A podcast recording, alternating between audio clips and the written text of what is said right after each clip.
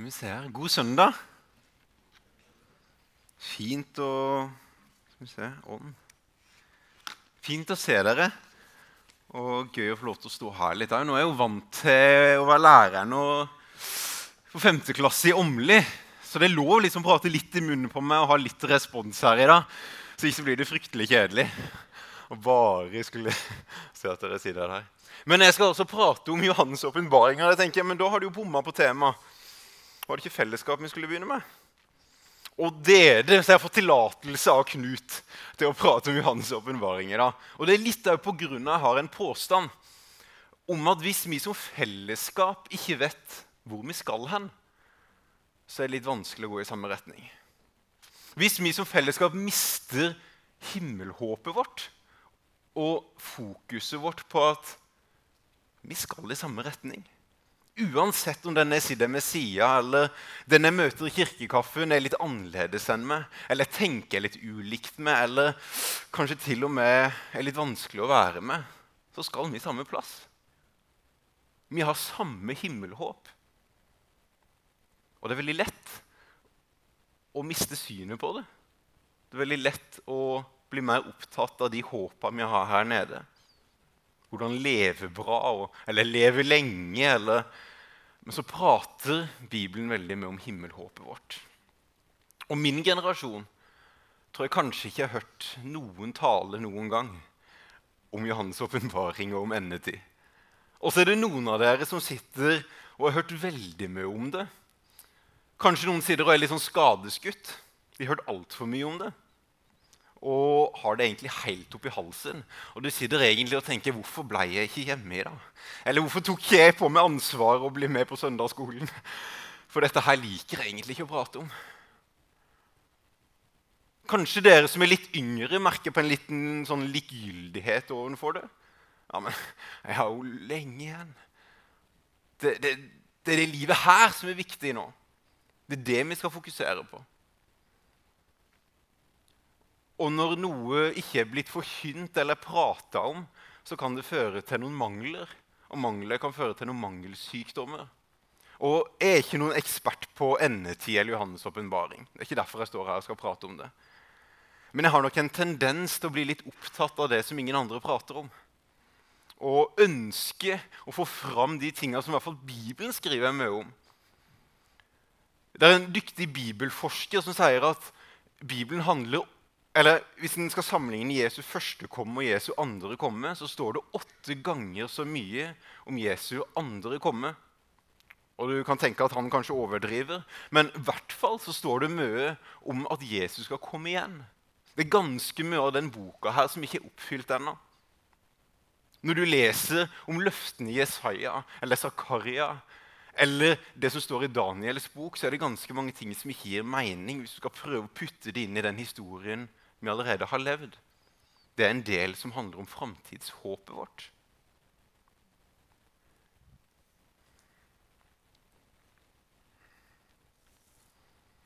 Så uansett om du er den som sitter og har det litt sånn oppi halsen pga. du hadde kanskje en onkel som så antikrist i alle statsledere og som mente at alt som skjedde på Dagsnytt 18, det kunne han putte et bibelvers.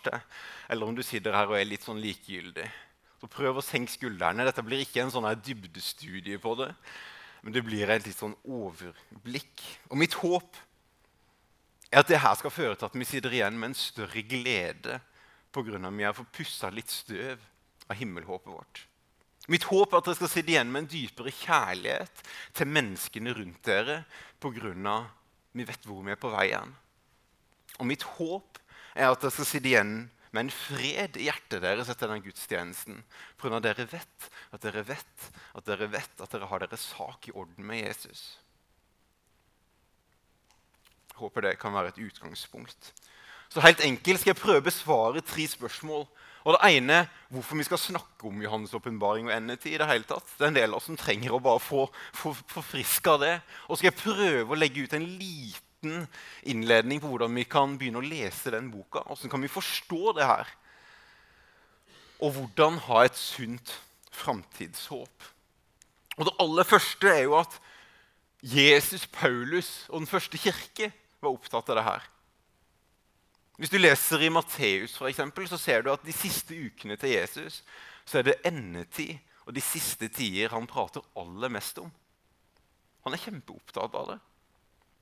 Og I en samtale han hadde med sadukeerne, der de prøver å snakke litt med han om, om oppstandelsen fra de døde, så begynner han å kritisere dem. at ja, men dere farer vill pga. dere ikke kjenner Skriften.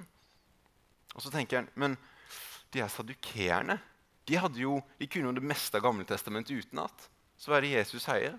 Kjente de ikke Skriften? Jo, de kjente Skriften, men de kjente ikke Skriftenes Messias. De så ikke at skriftsted etter skriftsted ble oppfylt foran øynene på dem. De greide ikke å putte Skriften, altså Gammeltestamentet, inn i den tida de levde i. De så profetiene bli åpenbart rett foran dem, men de greide ikke å koble det sammen. Så han kritiserer dem for det. Og så kritiserer han fariseerne for at, for at de greier å, å tolke åssen vær det blir. Er, når, når, den og den vinden blåser, så vet jeg at i morgen blir det sånn og sånn vær. Men, men dere skjønner ikke tida. I Lukas 24 så har han en egen brifing med disiplene om at hvis dere hører rykter om krig, hvis dere hører det og det skje, da skal dere flykte. Da skal dere ikke ta med dere noe, da skal dere rømme ned av husa og løpe opp i fjella. Og så vet vi at noen år etter det her så reiste Vespasian med de romerske hærstyrkene mot Jerusalem og satt Titus, sønnen sin, til å invadere eh, Jerusalem i år 70. Og fra forsker eller historiker Josefus kan vi lese om at det var en splittelse i menigheten i Jerusalem det året. Om åssen en skulle tolke det Jesus sa. Og Halvparten av menigheten trodde at dette var bokstavelig, så de flykta når de hørte rykter om krig og denne beleiringa til Titus. De flykta opp i fjellet. Og de andre ble igjen i Jerusalem og ble drept. Jesus satte en forventning til oss. Dere må kjenne tida. Hvilket tid vi er i. Og det utfordrer meg litt. Så Jesus var opptatt av det. Paulus var opptatt av det. Han prata masse om det i brevene sine. Og i hebreerne ja, nå vet vi ikke helt sikkert når han skrev hebreerne, men forfatteren av hebreerne i hebreerne 6 skriver at det her er barnelærdommen.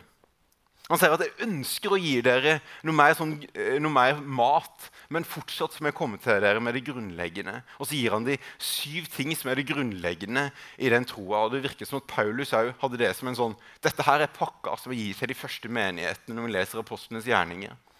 Og den grunnoppskriften var først trosgreiene med omvendelse fra døde gjerninger og tro på Gud.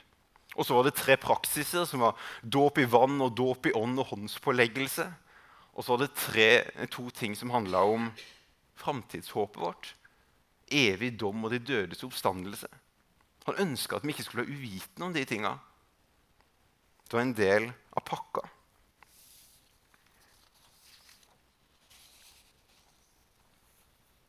Og etter at Jesus i i Matteus 24 har prøvd å forklare om hva som skal skje før den siste trengselstida, så gir han dem noen bilder. Og de bildene syns jeg oppsummerer Jesus sin tanke om hva er det endetidssynet skal føre til. For det var det her som fikk meg til å bli interessert i å prøve å forstå Johannes' åpenbaring for ca. tre år siden, der jeg skjønte at jeg har jo ikke peiling. Og veldig mange av de kristne på min alder som jeg prater med, de har jo ikke peiling. Og pga. de at det var mangelvare i forkynnelsen, så førte det til ganske mange, eh, store mangelsykdommer. Der jeg så at ja, folk begynner å stille spørsmål om helt grunnleggende ting. Som om det fins en himmel og en helvete. det... Men Jesus har nå altså noen tanker på slutten av det her. Der han først forteller en lignelse om brudepikene. Da kan himmelen sammenlignes med ti brudepiker som tok oljelampene sine og gikk ut for å møte brudgommen. Fem av dem de var uforstandige, og fem var kloke. De uforstandige tok med seg lampene sine, men ikke olje. Men de kloke tok med seg kanner med olje sammen med lampene. Og da det trakk ut før brudgommen kom, ble de alle trette og sovnet. Men ved midnatt lød det et rop. Brudgommen kommer! Gå og møt ham! Da våknet alle brudepikene og gjorde lampene i stand. Men de uforstandige sa til de kloke, Gi oss litt av oljen deres, for lampene våre slukner. Nei, svarte de kloke. Det blir ikke nok til både oss og dere. Gå heller til kjøpmannen og kjøp selv. Og mens de var borte for å kjøpe, kom brudgommen, og de som var forberedt, gikk sammen med ham inn til bryllupet, og døren ble stengt. Og Senere kom også andre brudepiken og sa, 'Herre, Herre, lukk opp for oss.' Men han svarte, 'Sannelig, jeg sier dere, jeg kjenner dere ikke, så våg da.' For dere kjenner ikke dagen eller timen. Så det første et fornya endetidshåp fører til, eller himmelhåp fører til, er ansvar for vårt eget trosliv. Å se at det her er dypt relevant for oss. At vi har saken vår i orden med Jesus. At vi har olje på lampene våre. At vi er forberedt. Neste lignelsen handler om talentene. Det var som en mann som skulle utenlands. Han kalte til seg tjenerne sine og overlot dem til alt han eide. Og En ga han fem talenter, en annen to og en, og en tredje én talent. Etter hver enkelt hadde evne til, og så reiste han. Og Han som hadde fått fem talenter, gikk straks bort og drev handel med dem og tjente fem til.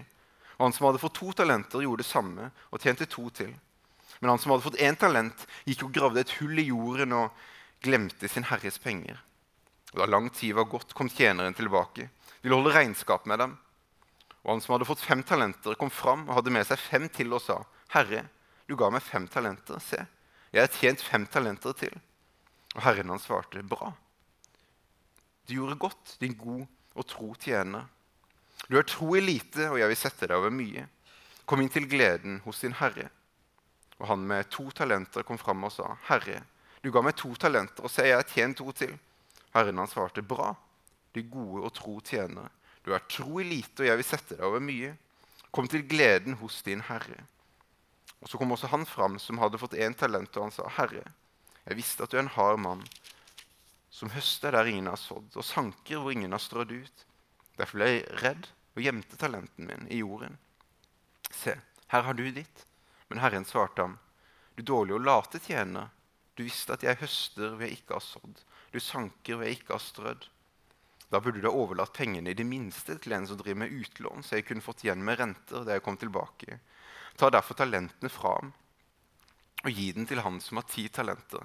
For den som har, skal få, og det i overflod. Men den som ikke har, skal bli frastatt det han selv har. Kast den unyttige tjeneren ut i mørket ovenfor der hun gråter og skjærer tenner. Det er masse ikke jeg forstår i den lignelsen. Men det jeg forstår, er at han gir oss også et ansvar for de ressursene vi har. At endetidshåpet, Et fornya endetidshåp handler ikke bare om min personlige tro og sette meg på rumpa og vente på himmelen. Men det handler om at Gud har gitt meg noe, og jeg står ansvarlig her og nå til å forvalte det. Om siste lignelsen så står det at når menneskesønnen kommer i sin herlighet, og alle englene med ham, og han skal sitte på sin trone i herlighet, og alle folkeslag skal samles foran ham, da skal han skille dem fra hverandre som en gjeter skiller sauene fra geitene. Og stiller sauene på sin høyre side og geitene på sin venstre. Og Da skal kongen si til ham på sin høyre side.: Kom hit, dere som er velsignet av min far, og ta arv i det riket som er gjort stand for dere, før verdens grunnvoll ble lagt. For jeg var sulten, og dere ga meg mat. Jeg var tørst, og dere ga meg å drikke. Jeg var fremmed, og dere tok imot meg. Jeg var naken, og dere kledde meg. Jeg var syk, og dere så til meg. Da skal rettferdige svare, Herre, nå så vi deg sulten og ga deg mat, eller tørst og ga deg drikke. Nå så vi deg fremmed og tok imot deg, eller naken og kledde deg. Nå så vi deg syk eller i fengsel og kom til deg, og kongen skal svare dem, sannelig, jeg sier dere. Det dere gjorde mot en av mine minste søsken, har dere gjort mot meg. Og så kan han si til dem på sin venstre side, gå bort fra meg, dere som er forbannet til den evige ild, som er gjort i stand for djevelen og englene hans. For jeg var sulten, og dere ga meg ikke mat. Jeg var tørst, og dere ga meg ikke drikke. Jeg var fremmed, og dere tok ikke imot meg. Jeg var naken, og dere kledde meg. Jeg var syk og i fengsel, og dere så ikke til meg. Og da skal de svare, Herre, når så vi deg sulten eller tørst eller fremmed eller naken eller syk eller i fengsel uten å hjelpe deg, komme deg til hjelp? Da skal de svare dem, sannelig, jeg sier dere, det dere, jo, det dere ikke gjorde mot en av mine minste, har dere heller ikke gjort mot meg. Og disse skal gå bort til evig straff, men de rettferdige til evig liv. Igjen det er en sånn tekst som det er masse meninger om. Jeg forstår ikke alt. Men det handler om at Gud har gitt oss noen mennesker. Noen folk vi møter på i vår vei. Og himmelhåpet vårt, et fornya himmelhåp, handler om at ja, vi tar ansvar personlig. Ja, vi tar ansvar for de ressursene Gud har gitt oss. Men vi skal også ta ansvar for de menneskene Gud har gitt oss. Så Jesus' endetidssyn tror jeg kan oppsummeres i at ja, det påvirker evigheten, men det påvirker òg nåtida.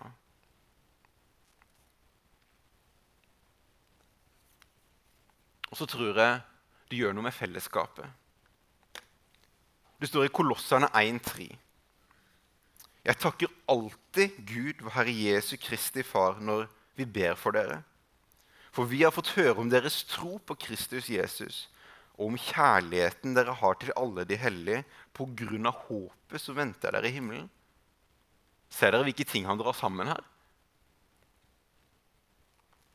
Han har fått høre om deres tro og deres kjærlighet til alle de hellige pga. håpet som venter dem i himmelen. For Paulus så det åpenbart at pga. de hadde et håp om det som venta dem i himmelen, så førte det med seg en nestekjærlighet. Det førte til at fellesskapet ble dratt sammen. Og hva skjer med et fotballag som begynner å nærme seg finale og begynner å se at ah, dette her kan gå? Det skaper motivasjon og det skaper håp. Og det gjør noe med hvordan du forholder deg til de andre lagspillerne. Hva skjer når du mister håpet? Jo, ting begynner å skli ut ganske fort. Og det er lett å begynne å kritisere de andre. Eller når du nærmer deg målet, når, når jeg nærmer en eksamen, så skjer det noe med motivasjonen for å lese. Eller når vi nærmer oss noe som vi må gjøre. Vi trenger å se at vi lever ganske nærme. Martin Luther sa at jeg ønsker å hver dag leve som at Jesus døde for meg i går. Sto opp igjen for meg denne morgenen og kommer igjen i, i morgen. Det er noe med å leve nært på korsfestelsen, oppstandelsen og Jesu gjenkomst. Det gjør noe med oss. Og jeg tror det gjør noe med fellesskapet vårt. Tror vi begynner å prioritere annerledes. Jeg tror vi begynner å prioritere pengene våre annerledes. Jeg tror vi begynner å prioritere tida vår annerledes. Og så igjen så er det kanskje noen som sitter med dårlige minner rundt noen som alltid har minnet dem på at Jesus kan komme i morgen. Pass på. Og jeg tror ikke endetidshåpet vårt og framtidshåpet vårt Hvis det er frykt i det håpet, så har vi misforstått Jesus. Det skal være en glede i det håpet.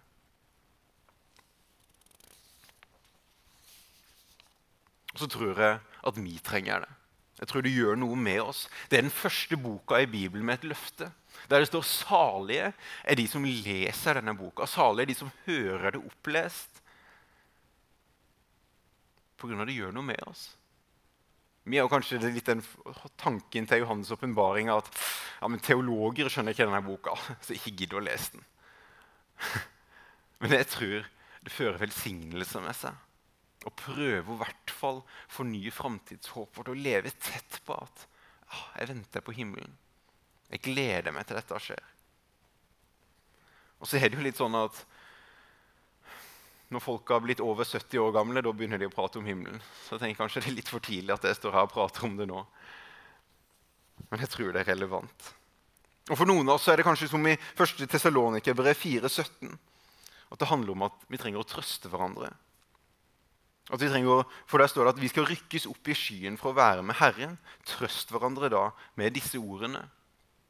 Det ble plutselig relevant for meg, for i 2001 så kom det en pastor fra Libya etter at kirka hans var, var blitt brent, eh, brent, opp, og noen av kirkemedlemmene hadde vært med i den brannen. Så kom han på en, en, husgruppesamling som vi hadde i Oslo, og så fortalte han om dette her.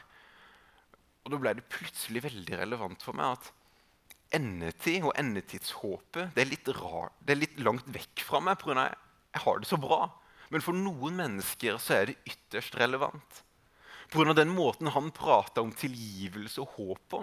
At han hadde ingenting han trengte å hevne seg over for på de personene som var tent på kirka. Pga. det skulle Gud ordne. Gud skulle være den som skulle sette alt i stand. Han trengte ikke å slåss for sine rettigheter. Så gjorde det noe med, med hjertet mitt og, og forståelsen av at ah, vi trenger å leve tett på framtidshåpet vårt. For vi er kanskje enda mer opptatt av å leve lenge her enn hvordan det skal bli der framme. Men for veldig stor del av verdens kirke, over 309 millioner kristne, lever under høy eller ekstrem grad av forfølgelse, ifølge Watchlist, som er publisert i 2022. Én av åtte kristne på verdensbasis lever under forfølgelse. Hver uke blir 83, 86 kirker angrepet, og hver dag blir 13 kristne drept for sin tro. Og Da tror jeg vi trenger å huske på at Johannes' åpenbaring ble skrevet rundt år 90 i et romerrike der det var forfølgelse. Der kong Nero hadde satt opp Colosseum, der kristne som ble martyrer, det var en stor del av underholdninga. For de kristne så var, gir den boka veldig, veldig mening. Snart kommer Jesus igjen. Snart kommer han og setter opp alt rett. Snart kommer dommen. Snart skal vi få se vår frelser. På det livet de lever under, den forfølgelsen historien det var tøff. Det bildet her ble presentert i Aftenposten i 2014, når IS hadde begynt å rykke fram. Dette var, var i Libya, der mange kirkeledere ble drept for sin kristne tro. Og for de og for familiene som står igjen, der blir himmelen relevant. Der blir framtidshåpet vårt relevant. Da begynner det å gjøre noe med oss. Noen mennesker lengter mer etter himmelen enn andre.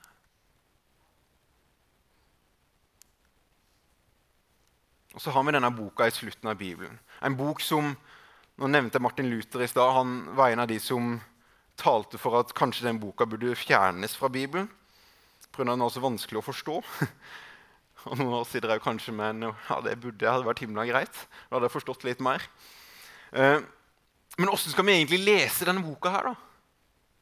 Og jeg tror det aller første vi må forstå, er det jeg har skrevet her, at det er ikke Johannes sin åpenbaring.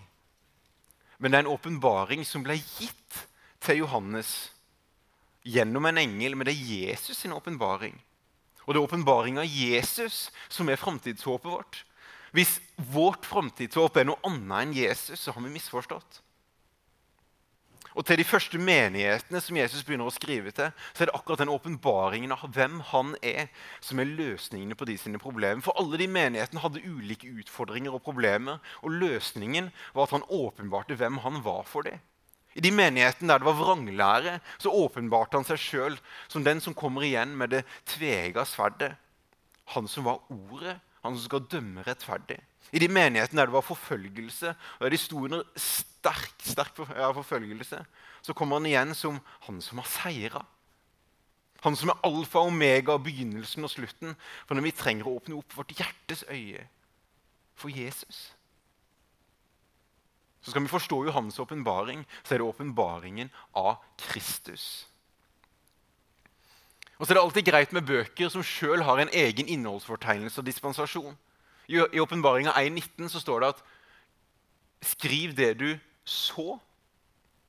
I vers 1.13 så så han Jesus. Han så Jesus åpenbart.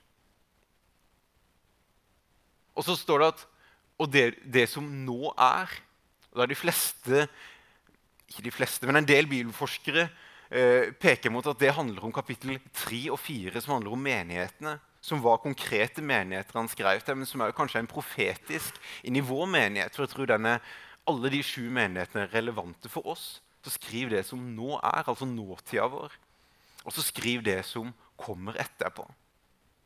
Etter disse ting. Så mest sannsynlig, i min forståelse, så er kapittel 1 til 4, eller slutten av kapittel 3, det som er mest relevant for oss. Og så er det en del ting her som vi skal få lov til å få innsikt i. Men det er ikke sikkert vi kommer til å forstå alt.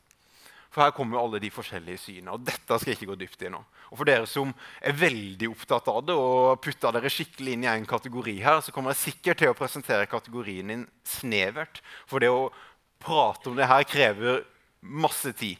Men jeg skal prøve å bare vise noen få oversikter. For dette er de typiske endetidssyna. Der de begynner på dispen, dispen, Det er jo ikke lett å lese det engang. Dispensjonalisme.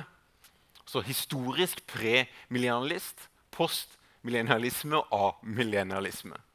Ok, Helt på begynnelsen der, hvis vi prøver å på en måte gi noen forskjeller, så er det nok de som er veldig bokstavtro, som tenker at Johannes' åpenbaring er en historisk bok som kan leses fra begynnelse til slutt. Og vi tror at ordet har direkte, eh, direkte mening. Akkurat som at når, Jesus, når det blir profetert om at Jesus ble solgt for 30 sølvpenger, og det faktisk var det som skjedde, at han ble solgt for 30 sølvpenger, så var det en helt konkret oppfyllelse av profetien. Og det er nok de som tenker at Akkurat som Jesus' første komme var helt bokstavelig, så er Jesu andre komme også helt bokstavelig. Og så er det meg de som Jeg tar én og én her. Ok, Sånn første. De tror på at okay, Jesus kom igjen. Og selvfølgelig, når Jesus sa på korset at det er fullbrakt, så skjedde det noe der. Men vi er nødt til å vente på at Jesus kommer igjen for at ting skal bli helt Eh, eh, og at ting skal bli satt helt i stand. Det betyr at vi venter fortsatt på at Guds rike skal komme. Når vi ber Fader vår, så ja, vi skal be om at Guds rike skal komme på jorda. Men mest av alt så ber vi at Gud skal komme igjen og gjenopprette sitt rike. Mer bokstavtro tanke om at det er en, stor, at det er en opprykkelse, en stor trengselstid. Og så er tusenårsriket, altså en ny himmel og en ny jord. Historisk premillennialisme hopper litt over det her, at det er en, eh, at det er en, trengs, en opprykkelse av denne trengselstida. At den blir blanda litt inn i historien, og at det er tusenårsriket og en ny himmel og en ny jord. Og dette er litt, de, de, blir kritisert for å være litt sånn pessimistiske i de endetidssyna av de som er i den andre kategorien. At, er ikke det lett å bare da, Hvis du tror at Jesus er den som bare skal gjøre alt sjøl, er det ikke lett å bare sitte på rumpa og vente på himmelen? da? Og så har vi de veldig pos positive endetidssynene. postmillennialisme. Der at ja, Vi er på en måte i dette tusenårsriket, og ting skal bare bli bedre og bedre. Og bedre, og vi skal få lov til å utvide Guds rike. Og vi skal se at Gud kommer fram i alle ting, i regjering og i skole og, og alt mulig. Og sammen med Jesus skal Kirka være med å gjenopprette Guds rike. Og så skal Jesus komme igjen. Så skal det være en dom. Og så har vi amillennialisme som de fleste historisk sett veldig mange kirker står under. For dette er den katolske, det katolske endetidssynet som begynte med Augustin. Og det ga nok veldig mening på 300-tallet, når Romerriket begynte å, å bli kristent. Og en ser at dette her kommer til å bare flomme over hele verden, og snart så er det himmel på jord. Så var nok det en tanke om at ja, dette her er, er, er positive greier. Det ble ikke tatt et oppgjør med reformasjonen, så de lutherske kirkene står også på en måte for et mer sånn type endetidssyn. Og veldig mange av de nye, mer karismatiske bevegelsene som ikke har en rot i pinsebevegelsen, har òg den tanken her sånn. Og når det er gode teologer og kristne som lever store liv, som tolker Bibelen annerledes enn det f.eks. jeg gjør, eller dere gjør, så skal man alltid være ydmyk for, for andres tankeganger. For dette handler ikke om at vi ikke kan stå sammen hvis en ikke mener det samme om det her. Men det handler om at vi har samme framtidshåp. Men bare for at skal se at det er litt forskjellige tanker om hvordan man leser Johannes' åpenbaring. Og så er det en historie som jeg synes er fin, med John Wesley, som akkurat kommer ut fra å ha studert teologi. Han har studert Johannes' åpenbaring. Så kommer han ut på utsida av universitetsplassen, der det sitter en eh, en som På den tida var det fortsatt slaver i, i, USA. En som var mørkhuda og satt og leste i Johannes' åpenbaring. Og så spør han ja, men skjønner du hva du leser. Dette her er jo kjempevanskelig teologi. Og så bare smilte han og lukka igjen Bibelen. Jesus vinner. Det er lett. Og jeg tror det er en fin holdning til Johannes' åpenbaring. Jesus vinner. Det er det viktigste. Om vi tenker det skjer sånn eller sånn, så skal vi ikke være for opptatt av det. Men det vi må være bevisst på, at det vi tror om Johannes' åpenbaring og det vi tror om endetida, det påvirker også teologien vår. For hvis vi tenker at ja, det kan ikke være så bokstavelig som det står her, så gjør det kanskje noe med hvordan vi leser resten av Bibelen. Eller hvis vi tenker at vi skal være med å istandsette Guds rike sammen, så påvirker det valgene våre. Eller om vi tenker at ja, vi venter på at Jesus skal komme. Det har noe å si for hvordan de bevisste valgene vi tar. Så det er noe å være bevisst på. Men uansett, mens vi venter, da, så trenger vi å være klar. Vi trenger å ikke bli sløve om det drøye. Det må føre til en lengsel etter Guds rike for arbeidet og misjon. Og Jesus er ganske tydelig på at det er ikke opp til oss å spekulere. Så jeg tror et sunt framtidshåp det skaper et ønske om å se Guds rike nå. Personlig så er havner nok jeg den som tar det litt sånn bokstavelig og tenker at, en, at Johannes' åpenbaring er en historisk bok vi kan følge. altså denne første kategorien. Men jeg tror virkelig vi har noe å lære av de andre endetidssynene. F.eks. at vi må gripe Guds rike nå. At det er ikke bare noe vi skal vente på. Men vi tror at når Jesus døde på korset, så var det fullbrakt. Så vi skal tørre å be for mennesker som er syke. Vi skal tørre å, å, tro at Guds rike skal komme fram. Vi skal tro på at på Vegårshei skal flere mennesker komme til tro. Vi skal tro på at det skal komme en vekkelse i Norge. Jeg tror på at vi skal være positive for framtida vår. Samtidig som jeg tror at et sunt framtidshåp skaper realisme. Om at ja, Guds rike kommer og skal bli istandsatt av Jesus. Så det er ikke til syvende og sist opp til oss. Selv om ting kan se mørkt ut rundt oss, eller at ikke vi ser ting skje, så er det ikke avgjørende til syvende og sist. For når det er Jesus som skal komme og gjenopprette det. Det er han som er håpet vårt. Jeg tror et sunt framtidshåp fører til nød for menneskers frelse. Om de ikke gjør det, så bytt denne tidstro. For det må føre til et håp og en lengsel etter at de vi kjenner, skal bli med på himmelveien.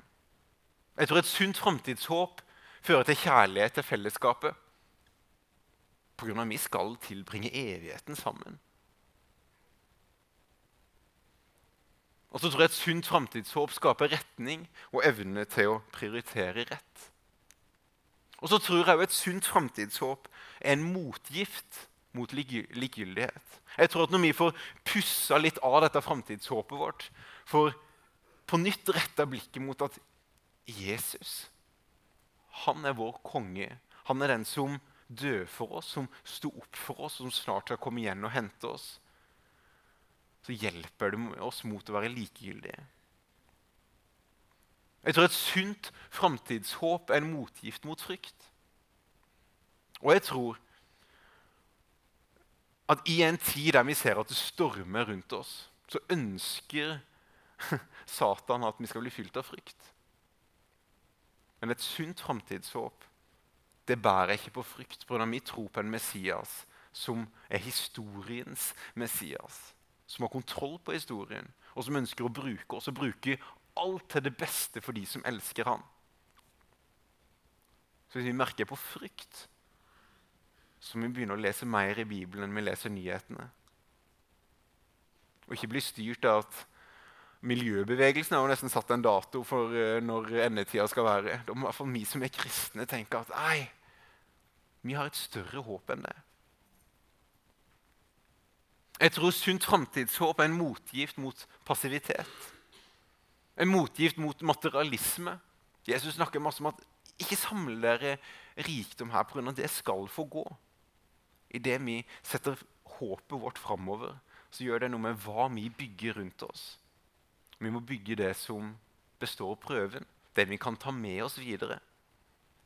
Det er en motgift mot trang til hevn. Når jeg hørte denne pastoren prate, så merka jeg at framtidshåpet hans gjorde at han kunne tilgi. Og så er det en motgift mot å bruke livet vårt på å kjempe for mine rettigheter. Det er det Jesus som gjør. La oss heller kjempe for andres rettigheter. Jeg synes Det er godt oppsummert av teolog D.C. Ellison. Eskatologiens hjerte, altså endetidsteologiens hjerte, er ikke når eller hva, men hvem. Det er ikke en tidsplan, men en person.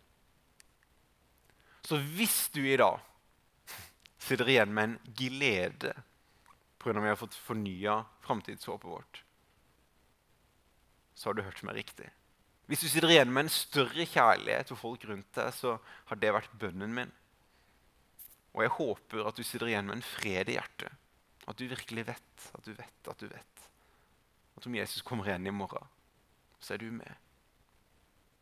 Om du ikke vet det, så er dette en perfekt anledning for å invitere han inn. Vi leser noen vanskelige historier som Jesus presenterer, som kan utfordre oss. Men nåden er enkel. Den sier 'kom'. Alt er ferdig. Jeg har gjort det. Det er ikke noe du skal gjøre. Du er med. Hvor mye ydmyker oss og bekjenner at han er kongenes konge og herrenes herre. Så takk, Jesus, for at du er historiens Messias. Du er Skriftenes Messias. Og akkurat som at du kom etter Skriften, så skal du òg komme etter Skriften. Og om du drøyer, så er det pga. at du elsker oss for høyt. Du ønsker at alle skal bli med. Og takk for at du kaller på oss i dag. Og du kaller på oss for på det personlige planet, Jesus, at vi skal olje på lampene våre. Og så kaller du på oss for at vi skal bruke ressursene du har gitt oss talentene du har gitt oss. Og så kaller du på oss for at vi skal elske de menneskene du har satt i vår vei. Så vi ber Jesus om at ditt rike må komme nå, blant oss, på Vegårshei og i Norge. Og så ber vi Jesus om at ditt rike snart skal komme igjen. Og da takker jeg deg, pappa, for at vi skal få lov til å være sammen med du i evighet. Og vi ber, pappa, at om vi er redd for det eller frykter det, så må du åpenbare hvem du er. Og bare vise oss for oss hvor enormt bra det kommer til å bli. Så vi ber pappa om at vi skal sitte her med et sunt framtidshåp.